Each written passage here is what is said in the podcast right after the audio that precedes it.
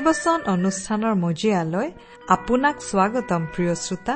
আজিৰে পবিত্ৰ ক্ষণতে উজলি উঠা খ্ৰীষ্টৰ জ্যোতি। প্ৰিয় শ্ৰোতা ভক্তিবচন অনুষ্ঠানত আপোনাক পুনৰ লগ পাই আমি নথৈ আনন্দিত। আশা কৰোঁ এই অনুষ্ঠানত প্ৰচাৰ হোৱা বাক্যসমূহে আপোনাৰ ব্যক্তিগত জীৱনত অলপ হ'লেও সহায় কৰিছে। ঈশ্বৰ এগৰাকী সৰ্বশক্তিশালী ব্যক্তি। তেওঁ পৃথিৱী আকাশমণ্ডল আৰু সৌৰজগতৰ সকলোকে নিজৰ ইচ্ছাৰে আৰু পৰাক্ৰমেৰে শৃংখলাবদ্ধভাৱে স্থিৰ কৰি থৈছে। তেওঁ প্ৰতিটো বিষয়কে একো একোটা নিয়মৰ অৰ্থাৎ নিজ নিজ সীমাৰ অন্তৰ্ভুক্ত কৰি ৰাখিছে। সেইকাৰণে সকলোবোৰ সুন্দৰকৈ চলি আছে। সেইবোৰৰ এটা বিষয়েও যদি নিজ নিয়মক চেৰাই যাবলৈ ধৰে তেন্তে সকলোবোৰ খেলি মেলি অৰ্থাৎ ধ্বংস হ'ব। আমাৰ জীৱনবোৰো তেনেকুৱা। আপোনাৰ মোৰ জীৱনটোকো ঈশ্বৰে বৰ সুন্দৰকৈ শৃংখলাবদ্ধভাৱে মংগলৰ আঁচনিৰে সজাই ৰাখিছে। ঈশ্বৰৰ পৰাক্ৰমী সুৰক্ষাৰ তলত আপোনাৰ জীৱন সদায় সুৰক্ষিত। তেওঁত আশ্ৰয় ললে আপুনি জীৱনৰ প্ৰকৃত আনন্দ বিচাৰি পাব। তেওঁৰ বাক্যই আপোনাক তেওঁৰ বিষয়ে আৰু অধিককৈ জানিবলৈ সহায় কৰাৰ আশাৰে এয়া আপোনালৈ আগবঢ়াইছো ভক্তি বচন। মনেৰে তুমি ভাবিছানে? কোনো নাই কতো মই কতো নাই জগতৰ যিচুৰ বাদে কোনো নাই।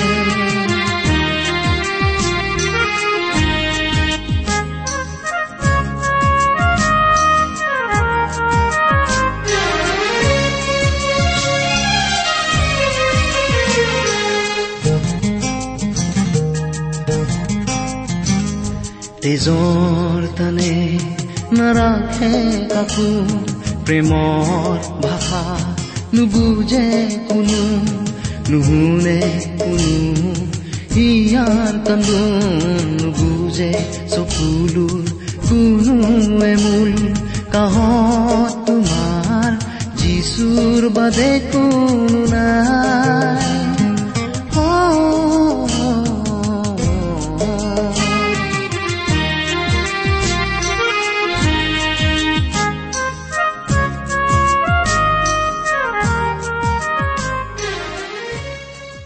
আমাৰ মহান ত্ৰাণকৰ্তা প্ৰভু যীশুখ্ৰীষ্টৰ নামত নমস্কাৰ প্ৰিয় শ্ৰোতা। আশা কৰো আপুনি ভালে কুশলে আছে। প্ৰিয় শ্ৰোতা আপুনি বাৰু আমাৰ এই ভক্তিবচন অনুষ্ঠানটো নিয়মিতভাৱে শুনি আছেনে? এই অনুষ্ঠান সম্বন্ধে আপোনাৰ মতামত আদি জনাই আমালৈ চিঠি পত্ৰ লিখিছেনে বাৰু?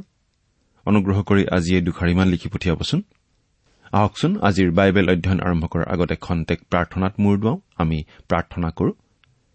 স্বৰ্গত থকা অসীম দয়ালু কৰোণাময় পিতা তোমাৰ তুলনা নাই তোমাৰ প্ৰেম তোমাৰ কৰুণা তোমাৰ অনুগ্ৰহৰ কথা আমি বৰ্ণনা কৰি শেষ কৰিব নোৱাৰো।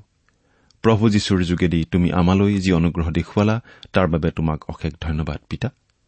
এতিয়া আমি তোমাৰ মহান বাক্য বাইবেল শাস্ত্ৰ অধ্যয়ন কৰিবলৈ আগবাঢ়িছো।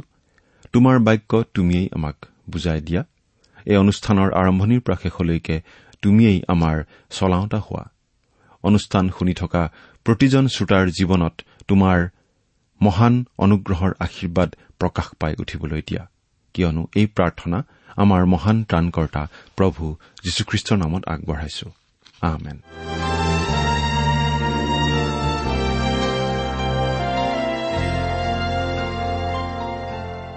প্ৰিয় শ্ৰোতা আপুনি বাৰু আমাৰ আগৰ অনুষ্ঠানটো শুনিছিল নে আমি বাৰু কি অধ্যয়ন কৰিছিলো আপোনাৰ মনত আছেনে? আপুনি যদি আমাৰ অনুষ্ঠান শুনিছিল তেনেহলে আপোনাৰ নিশ্চয় মনত আছে। কিন্তু যদিহে আপুনি আজি প্ৰথমবাৰৰ বাবে এই অনুষ্ঠান শুনিছে বা হয়তো বহুদিন বিৰতিৰ পাছত এই অনুষ্ঠান শুনিছে তেনেহলে আপোনাৰ জ্ঞাতাৰ্থে জনাই দিব খুজিছো যে আমি বৰ্তমান বাইবেলৰ নতুন নিয়ম খণ্ডৰ পৰা অধ্যয়ন চলাই আছো। নতুন নিয়ম বা নৱবিধান খণ্ডৰ তিমঠিয়ৰ প্ৰতি দ্বিতীয় পত্ৰ নামৰ পুস্তকখন আমি অধ্যয়ন কৰি আছো। এই পুস্তকখন পাচনি পৌলে তিমঠিয় নামৰ ডেকা পালক এজনলৈ লিখা দ্বিতীয় চিঠি। যোৱা অনুষ্ঠানত আমি এই পুস্তকৰ তিনি নম্বৰ অধ্যায়ৰ প্ৰথম পদৰ পৰা ন নম্বৰ পদলৈকে পঢ়ি আলোচনা আগবঢ়াইছিলো। তাত আমি এটা অতি গুৰুত্বপূৰ্ণ কথা আলোচনা কৰিছিলো। শেষকাল অৰ্থাৎ এই পৃথিৱীৰ পৰা খ্ৰীষ্টীয় বিশ্বাসীসকলক প্ৰভু যীশুৰ দ্বাৰা উঠাই লৈ যোৱাৰ আগে আগে এই পৃথিৱীৰ মানুহবোৰ কেনেকুৱা স্বভাৱৰ হ'ব সেই কথা আমি আলোচনা কৰিছিলো। পাচনি পৌলে এই কথাটো অতি স্পষ্টভাৱে লিখিছে যে শেষকালত ভয়ংকৰ সময় উপস্থিত হ'ব। শেষকালৰ মানুহবোৰ হ'ব নিজক প্ৰীতি কৰোতা ধন লোভী দৰ্পী অতি অহংকাৰী আনক নিন্দা কৰোতা পিতৃ মাতৃৰ অবাধ্য অকৃতজ্ঞ উপকাৰ স্বীকাৰ নকৰা লোক অপবিত্ৰ আৰু অসুচী জীৱন যাপন কৰা লোক মৰম চেনেহহীন নিৰ্দয় অপবাদক ইন্দ্ৰিয় দমন নকৰা আত্মসংযমহীন প্ৰচণ্ড সৎলোকক ঘীন কৰোতা বিশ্বাসঘাতক আপোন ময়মত গপাল ঈশ্বৰক প্ৰেম নকৰি সুখ সম্ভোগক অধিক প্ৰেম কৰোতা। ভক্তিৰ আকাৰধাৰী কিন্তু তাৰ শক্তি অস্বীকাৰকাৰী লোক। এই কথা আমি সকলোৱে বুজি পাওঁ যে এনেকুৱা ধৰণৰ মানুহেৰে আমাৰ পৃথিৱীখন আজি ভৰি পৰিছে। এই অৱস্থা দিনে দিনে আৰু বেয়াহে হ'ব। খ্ৰীষ্টীয় মণ্ডলীতো এনেকুৱা মানুহ ভৰি পৰিছে। ভক্তিৰ আকাৰ ধাৰণকাৰী কিন্তু তাৰ শক্তি অস্বীকাৰকাৰী মানুহে আজি বহুতো মানুহক ভ্ৰষ্ট কৰিছে। এনেধৰণৰ মানুহৰ পৰা আমাক আঁতৰি থাকিবলৈ কোৱা হৈছে। এনেকুৱা মানুহে প্ৰকৃত সত্যৰ প্ৰতিৰোধ কৰে। কিন্তু এই মানুহবোৰৰ সকলো কাম এদিন পোহৰলৈ আহিব। তেওঁলোকৰ ভ্ৰষ্টতা প্ৰকাশ পাব। আজি আমি তিনি নম্বৰ অধ্যায়ৰ বাকী থকা পদকেইটা অৰ্থাৎ দহ নম্বৰ পদৰ পৰা সোতৰ নম্বৰ পদলৈকে চাম। বাইবেলৰ পৰা পাঠ কৰি দিছো। দ্বিতীয় তিমঠীয় তৃতীয় অধ্যায় দহ আৰু এঘাৰ পদ। কিন্তু তুমি মোৰ শিক্ষা আচাৰ ব্যৱহাৰ অভিপ্ৰায় বিশ্বাস চিৰসহিষ্ণুতা প্ৰেম ধৈৰ্য তাৰণা আৰু দুখ ভোগৰ অনুগামী হলা। তুমি জানিলা আন্তিয়সীয়া ইকনীয় আৰু লুষ্ট্ৰাত মোলৈ কি ৰূপ ঘটনা ঘটিছিল আৰু কি ৰূপ তাৰণা মই সহন কৰিছিলো কিন্তু সেই সকলোৰ পৰা প্ৰভুৱে মোক উদ্ধাৰ কৰিলে। তিমঠিয় পৌলৰ লগে লগে আছিল। পৌলৰ বিষয়ে তেওঁ ভালদৰে জানিছিল। পৌলৰ জীৱনটো তিমঠিয়ৰ বাবে এখন খোলা কিতাপৰ নিচিনা আছিল। খোলা কিতাপখন যেনেকৈ আমি সকলোৱে পঢ়িব পাৰোঁ তাত যেনেকৈ একো কথা গোপনে নাথাকে তেনেকৈ পাচনি পৌলৰ জীৱনৰ সকলো কথাই তিমঠিয়ই জানিছিল। প্ৰতিজন খ্ৰীষ্টীয় বিশ্বাসীৰ জীৱন পাচনি পৌলৰ জীৱনৰ নিচিনা হ'ব লাগে খোলা কিতাপৰ নিচিনা। একো কথা গোপন কৰিব নলগা জীৱন।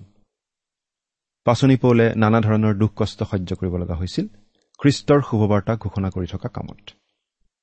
তেওঁ নানা ঠাই ভ্ৰমণ কৰি খ্ৰীষ্টৰ বাৰ্তা বিলাই ফুৰিছিল। পিচিডিয়াৰ আন্তিয়সীয়া ইকনীয় আৰু লুষ্ট্ৰা এই ঠাইকেইখন আছিল গালাটীয়া প্ৰদেশৰ বিভিন্ন ঠাই। পৌলে তেওঁৰ প্ৰথম দ্বিতীয় আৰু তৃতীয় মিছনেৰী যাত্ৰাৰ সময়ত এই ঠাইবোৰলৈ গৈছিল। লুষ্ট্ৰাত পাচনি পৌলক মানুহবোৰে শিল দলিয়াই বধ কৰিব খুজিছিল। তেওঁক শিল দলিয়াই মানুহবোৰে তেওঁক মৰা বুলি এৰি থৈ গৈছিল। আমি ভাবোঁ তেওঁৰ মৃত্যু হৈছিল কিন্তু ঈশ্বৰে তেওঁক পুনৰ জীৱন দান দিছিল। ঈশ্বৰে তেওঁক উদ্ধাৰ কৰা বুলি পৌলে উল্লেখ কৰিছে। তেওঁ কৈছে কিন্তু সেই সকলোৰে পৰা প্ৰভুৱে মোক উদ্ধাৰ কৰিলে। তিমঠিয় এই সকলো জানিছিল কাৰণ তেওঁলোক সেই ঠাইৰ লোক আছিল। ইয়াতে আমি আৰু এটা কথা মন কৰিবলগীয়া পাওঁ। পচনি পৌলে লিখিছে তুমি মোৰ শিক্ষা আচাৰ ব্যৱহাৰ অভিপ্ৰায় বিশ্বাস চিৰসহিষ্ণুতা প্ৰেম ধৈৰ্য তাৰণা আৰু দুখ ভোগৰ অনুগামী হলা। তিমঠিয় পাচনি পৌলৰ অনুগামী আছিল। পাচনি পৌলে খ্ৰীষ্টৰ প্ৰকৃত শুভবাৰ্তা বিলাইছিল। ঈশ্বৰৰ পৰা তেওঁ যি শিকিছিল তাকেই আনক শিকাইছিল। তেওঁৰ আচাৰ ব্যৱহাৰ আছিল আদৰণীয়। তেওঁৰ কোনো কু অভিপ্ৰায় নাছিল। নিজৰ লাভৰ কাৰণে তেওঁ কাম কৰা নাছিল। একমাত্ৰ খ্ৰীষ্টৰ গৌৰৱৰ কাৰণে তেওঁ কাম কৰিছিল। খ্ৰীষ্টত তেওঁৰ অগাধ বিশ্বাস আছিল। তেওঁৰ চিৰসহিষ্ণুতা ধৈৰ্য আৰু মৰম লক্ষণীয় আছিল। সকলো পৰিস্থিতিতে তেওঁ ধৈৰ্য ধৰি প্ৰভুৰ পৰিচৰ্যা কৰি গৈছিল প্ৰেমৰ ভাৱেৰে। মানুহৰ প্ৰতি প্ৰেম ঈশ্বৰৰ প্ৰতি প্ৰেম। তেওঁৰ সেই সকলো বিষয় তিমঠিয়ই দেখিছিল আৰু তিমঠিয়ইও তেনেকুৱা জীৱন যাপন কৰিছিল। কেৱল সেয়ে নহয় পাচনি পৌলৰ নিচিনাকৈ তিমঠিয়ইও তাৰণা আৰু দুখ ভোগ কৰিবলৈ কুণ্ঠাবোধ কৰা নাছিল। তাৰণা আৰু দুখ ভোগ এইবোৰ এৰাই চলিবলৈ তিমঠিয়ই চেষ্টা কৰা নাছিল। কিয় বাৰু? বাৰ নম্বৰ পদটো পঢ়িছো। বাস্তৱিক খ্ৰীষ্ট যীশুত ভক্তিভাৱে জীৱন ধাৰণ কৰিবলৈ ইচ্ছা কৰা সকলোবিলাকে তাৰণা পাব। খ্ৰীষ্ট যীশুত ভক্তিভাৱে জীৱন ধাৰণ কৰিবলৈ ইচ্ছা কৰা সকলোবিলাকে তাৰণা পাব। এই কথাটো আমি নিশ্চয় বুজি পাইছো। নিজক খ্ৰীষ্টীয় বিশ্বাসী বুলি পৰিচয় দিলেই আমি হয়তো কোনো ধৰণৰ তাৰণা নাপাব পাৰোঁ। কিন্তু যদি আমি খ্ৰীষ্ট যীশুত ভক্তিভাৱে জীৱন ধাৰণ কৰিবলৈ চেষ্টা কৰোঁ আমি নানা ধৰণৰ বাধা পাম নানা ধৰণৰ তাৰণা ক্লেশ আমি সহ্য কৰিব লগা হ'বই। এজন বিখ্যাত লোকে অলপতে মন্তব্য কৰিছিল। এই পৃথিৱীত খ্ৰীষ্টীয় বিশ্বাসীসকল দিনে দিনে অজনপ্ৰিয় হৈ যাব ধৰিছে আৰু খুব সোনকালেই এনে এটা অৱস্থাৰ সৃষ্টি হ'ব যে খ্ৰীষ্টীয় বিশ্বাসীসকলৰ বাবে জীৱন ধাৰণেই বিপদজনক হৈ পৰিব। এই কথাটো আমি অস্বীকাৰ কৰিব নোৱাৰোঁ। আমি এনেকুৱা এটা অৱস্থা চলি থকা দেখি আছো এই পৃথিৱীত। প্ৰথম শতিকাৰ পৰাই খ্ৰীষ্টীয় বিশ্বাসীসকলে নানা ধৰণৰ অত্যাচাৰৰ সন্মুখীন হৈ আহিছে। আজিলৈকে কিমানবোৰ খ্ৰীষ্টীয় বিশ্বাসী লোকক যে বধ কৰা হ'ল তাৰ লেখ জোখ নাই। এই কথাত আমি আচৰিত নহওঁ কাৰণ এনেকুৱা ঘটিবই বুলি বাইবেলত কোৱা আছে।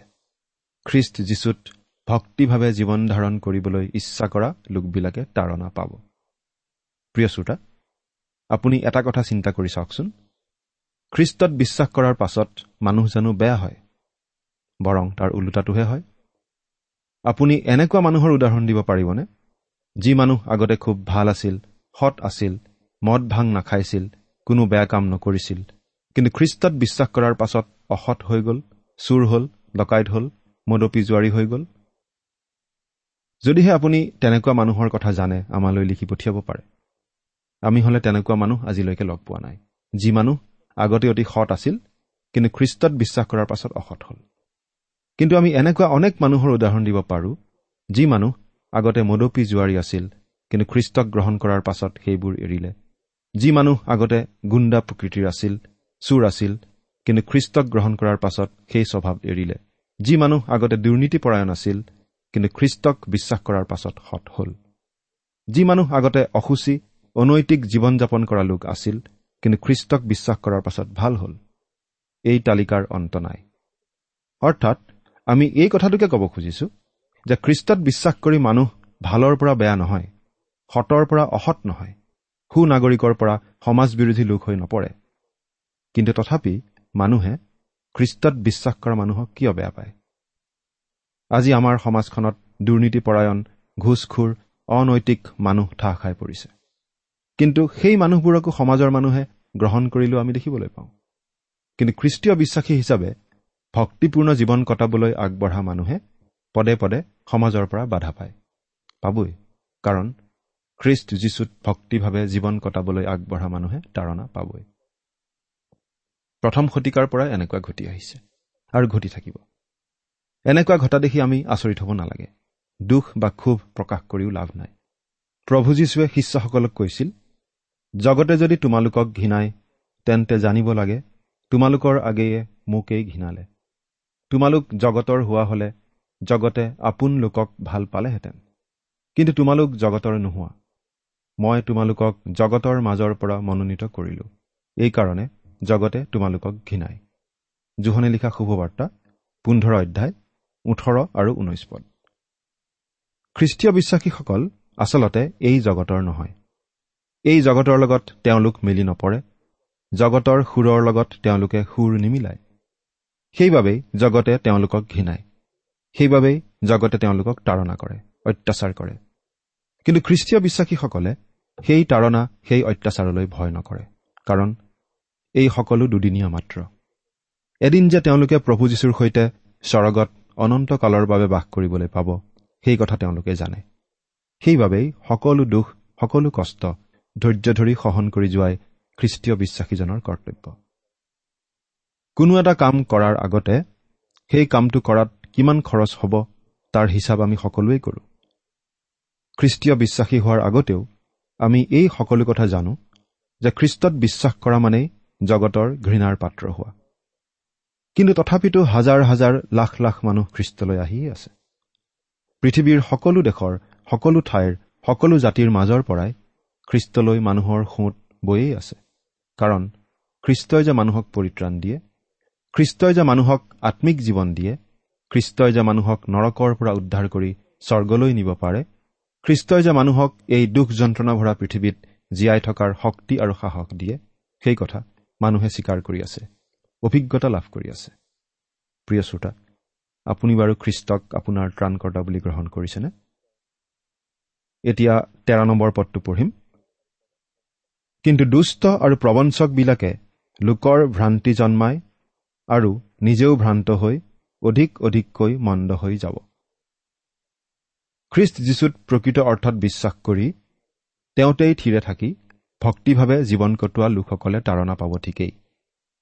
কিন্তু তেওঁলোকৰ ভৱিষ্যত উজ্জ্বল। আনহাতে দুষ্ট আৰু প্ৰবঞ্চকবিলাকে আন মানুহৰ মনত ভ্ৰান্তি জন্মাব আন মানুহক অপথে নিব আৰু নিজেও ভ্ৰান্ত হৈ হৈ অধিক মন্দ হৈ যাব। আচলতে নৈতিক জীৱনত স্থিতাৱস্থা নাথাকে। বেয়াজন দিনে দিনে বেয়া হৈ যায় সৰু অপৰাধ কৰা মানুহজনে ডাঙৰ অপৰাধ কৰিবলৈ কুণ্ঠাবোধ নকৰা হয়। আনহাতে খ্ৰীষ্টত ভক্তিপূৰ্ণভাৱে জীৱন যাপন কৰিবলৈ মনস্থ কৰা লোকসকলে প্ৰভুৰ অনুগ্ৰহত অধিক অধিককৈ ভাল হৈ যায়। এয়েই হৈছে শেষকালৰ অৱস্থা। খ্ৰীষ্টীয় মণ্ডলীক এই পৃথিৱীৰ পৰা উঠাই লৈ যোৱাৰ আগে আগে পৃথিৱীত চলি থাকিবলগীয়া অৱস্থা।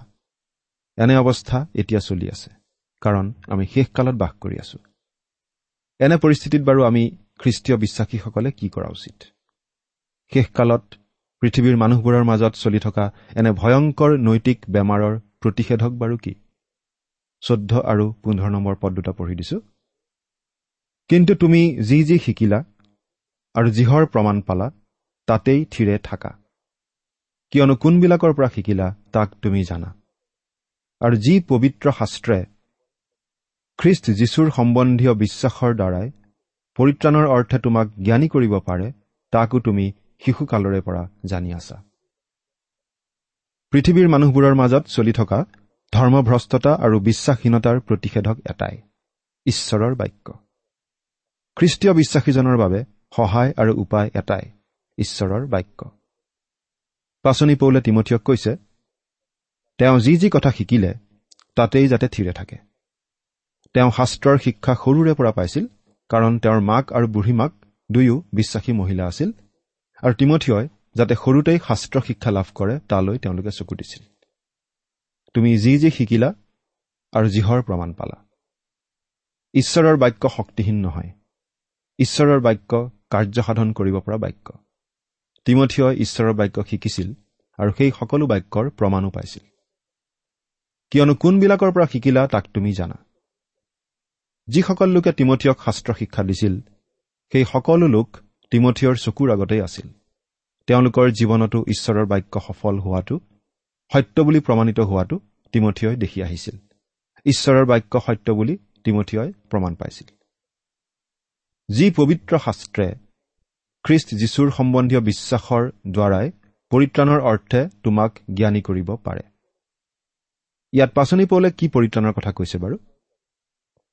তিমঠিয়ই প্ৰভু যীশুক বিশ্বাস কৰি ইতিমধ্যেই পৰিত্ৰাণ পাইছিল।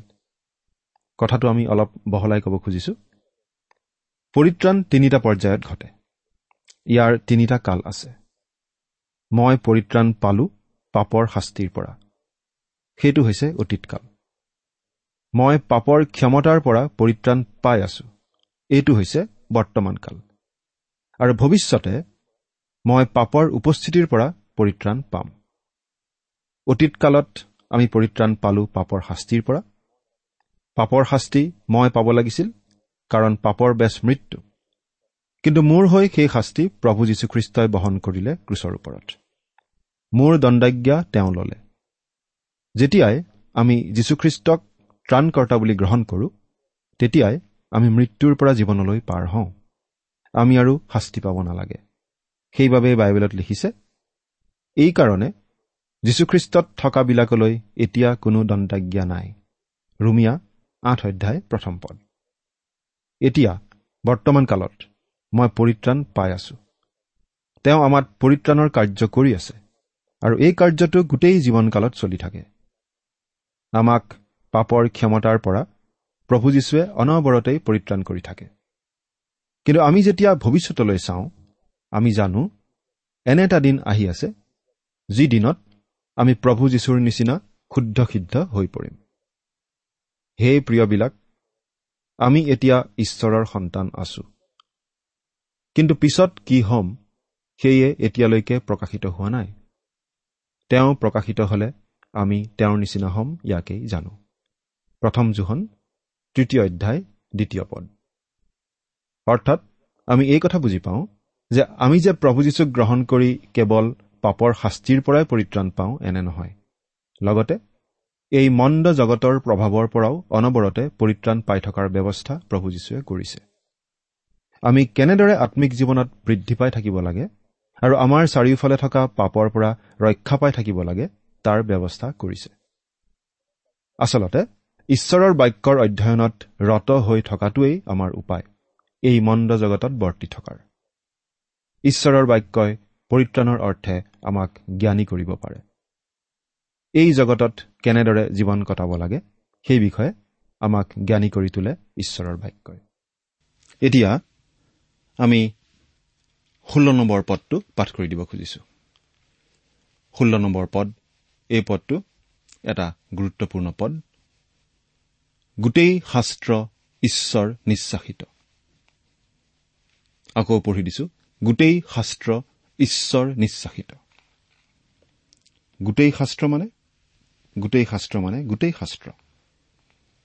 আদি পুস্তকৰ পৰা প্ৰকাশিত বাক্যলৈকে গোটেইবোৰ ঈশ্বৰ নিশ্বাসিত। কোনোবাই ক'ব পাৰে প্ৰকাশিত বাক্য পাছতহে লিখা হৈছিল। এই দ্বিতীয় তিমঠীয় পুস্তকখন দেখোন প্ৰকাশিত বাক্য লিখাৰ আগতেই লিখা হৈছিল। তেতিয়াহ'লে গোটেই শাস্ত্ৰ বুলি কওঁতে দ্বিতীয় তিমঠীয় পুস্তকৰ আগৰ পুস্তক বা শাস্ত্ৰৰ কথাহে বুজোৱা হৈছে নেকি? হয়। এই কথা সঁচা যে প্ৰকাশিত বাক্য পুস্তকখন লিখাৰ আগতেই দ্বিতীয় তিমঠীয় পুস্তকখন লিখা হৈছিল। কিন্তু আমি জনা উচিত যে প্ৰকাশিত বাক্যও শাস্ত্ৰৰ অন্তৰ্ভুক্ত কৰিলে ঈশ্বৰেই। গতিকে গোটেই শাস্ত্ৰ বুলি কওঁতে তাৰ মাজত প্ৰকাশিত বাক্যও অন্তৰ্ভুক্ত হৈছে। ইয়াত অতি স্পষ্টভাৱে কোনো সন্দেহ নথকাকৈ জনাই দিয়া হৈছে যে গোটেই শাস্ত্ৰ ঈশ্বৰ নিশ্বাসিত। বাইবেলত মুঠতে যি ছয়ষষ্ঠিখন পুস্তক আছে সেই গোটেইকেইখন পুস্তক বিভিন্ন ব্যক্তিৰ যোগেদি ঈশ্বৰেই লিপিবদ্ধ কৰিছিল। কিন্তু তাৰ মানে এইটো নহয় যে এই লিখকসকল একো একোটা কলমৰ নিচিনা আছিল। আৰু সেই কলমবোৰ ব্যৱহাৰ কৰি ঈশ্বৰে কাগজত লিখি গৈছিল। নাই ঈশ্বৰে তেনেদৰে লিখা নাছিল। সেই লিখকসকল নিৰ্জীৱ কোনো চিন্তা শক্তি নথকা কলমৰ নিচিনা নাছিল। অতি আকৰ্ষণীয় আৰু অভিনৱ কথা এয়েই যে ঈশ্বৰে এই ব্যক্তিসকলক ব্যৱহাৰ কৰিছিল ঠিকেই। এই ব্যক্তিসকলৰ যোগেৰে বাইবেলখনৰ বিভিন্ন পুস্তকবোৰ ঈশ্বৰে লিখিছিল ঠিকেই। কিন্তু ঈশ্বৰে এই ব্যক্তিসকলৰ ব্যক্তিত্ব প্ৰকাশ পাই উঠিবলৈ দিছিল তেওঁলোকৰ লিখনিসমূহৰ মাজেদি। তেওঁলোকে নিজৰ নিজৰ প্ৰকাশভংগী ব্যৱহাৰ কৰিছিল। কিন্তু তাৰ মাজেদিয়েই ঈশ্বৰে যি কবলৈ বিচাৰিছিল হুবহু প্ৰকাশ পাই উঠিছিল। এই মানুহসকলক ঈশ্বৰে ব্যৱহাৰ কৰিছিল। এই মানুহসকলৰ যোগেদি ঈশ্বৰে আমাক তেওঁৰ বাক্য জনাই দিছে। আজি আমাক জনাবলৈ ঈশ্বৰৰ আচলতে আন অতিৰিক্ত কথা আৰু নাই। আমাক আমাৰ বাবে প্ৰয়োজনীয় আমাৰ আম্মিক জীৱনৰ বাবে প্ৰয়োজনীয় গোটেইখিনি কথা তেওঁ এই বাইবেলৰ যোগেদি ইতিমধ্যে জনাই দিছে। আজি যদি তেওঁ স্বৰ্গৰ পৰা কিবা কয় ইতিমধ্যে বাইবেলৰ যোগেদি তেওঁ যিখিনি কৈ গৈছে তাকেই কব। তাত একো যোগ নিদিয়ে। বাইবেলৰ কথাৰ তেওঁ সলনিও নকৰে। এতিয়া সোতৰ নম্বৰ পদটো পাঠ কৰি দিম। আৰু যাতে ঈশ্বৰৰ মানুহ সিদ্ধ আৰু সকলো সৎকৰ্মৰ নিমিত্তে সুসজ্জিত হ'ব পাৰে তাৰ কাৰণে শিক্ষাৰ অনুযোগৰ পতীত উত্থানৰ আৰু ধাৰ্মিকতা সম্বন্ধীয় শাসনৰ অৰ্থে লাভজনক। ঈশ্বৰৰ বাক্য শিক্ষাৰ অৰ্থে লাভজনক। আমি খ্ৰীষ্টীয় বিশ্বাসীসকলে ঈশ্বৰৰ বাক্যৰ পৰা শিক্ষা আহৰণ কৰিব লাগে আম্মিক জীৱনৰ বাবে। অনুযোগৰ অৰ্থে লাভজনক। বাইবেল অধ্যয়নে আমাক আমাৰ দুখবোৰ আমাৰ জীৱনত থকা দুৰ্বলতাবোৰ আঙুলিয়াই দেখুৱায়। পতীত উত্থানৰ অৰ্থে লাভজনক। আমাৰ জীৱনত থকা ভুলবোৰ শুধৰাই সেইবোৰ নোহোৱা কৰিবলৈ উপায় দিয়ে ঈশ্বৰৰ বাক্যই। ধাৰ্মিকতা সম্বন্ধীয় শাসনৰ অৰ্থেও লাভজনক অৰ্থাৎ ঈশ্বৰৰ বাক্য অনুসাৰে চলা চিন্তা কৰা আৰু কাৰ্য কৰা।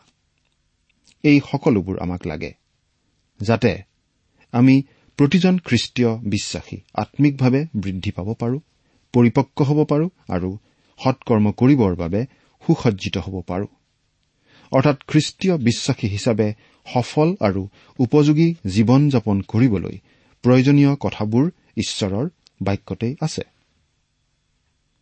গোটেই শাস্ত্ৰখন সেইবাবেই আমি গুৰুত্ব সহকাৰে অধ্যয়ন কৰিব লাগে নিয়মিতভাৱে।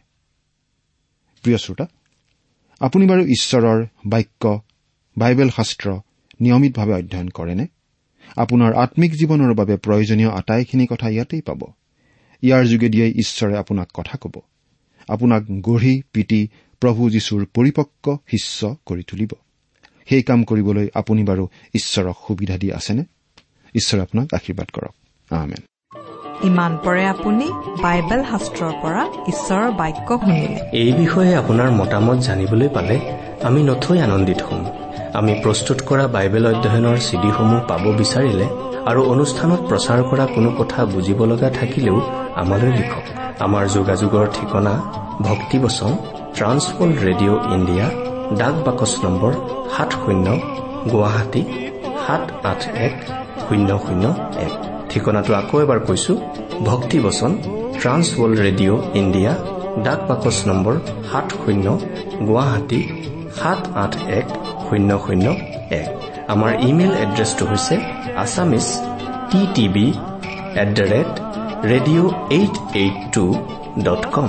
আমাৰ website W W W dot T W R dot in আপুনি টেলিফোনৰ মাধ্যমেৰেও আমাক যোগাযোগ কৰিব পাৰে। আমাৰ টেলিফোন নম্বৰটো হৈছে nine eight five four zero' four zero' eight eight nine. Phone নম্বৰটো আকৌ এবাৰ কৈছো ন আঠ পাঁচ চাৰি শূন্য চাৰি শূন্য আঠ আঠ ন। আপুনি এই ভক্তিবচন অনুষ্ঠানটি আমাৰ website W W W dot radio' eight eight two dot কমতো শুনিব পাৰিব। আজিৰ অনুষ্ঠানটি ইমানতেই সামৰিছো। ঈশ্বৰৰ শান্তি আৰু অনুগ্ৰহ আপোনাৰ লগত থাকক। ধন্যবাদ।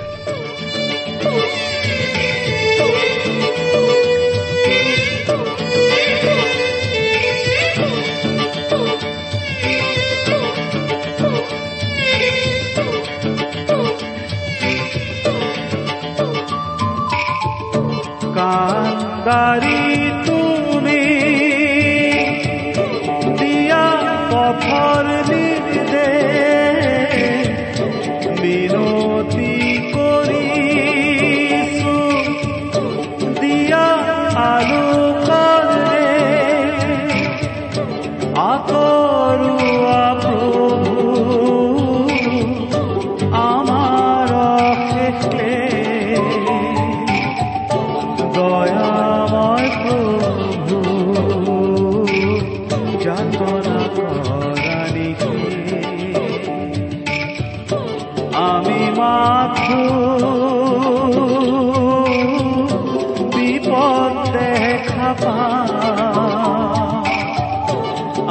মাত্র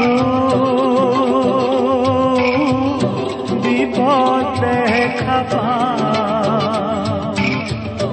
অতীত ভবিষ্যৎ কি যে বথা নাই যে ভাঙা আমার না বথা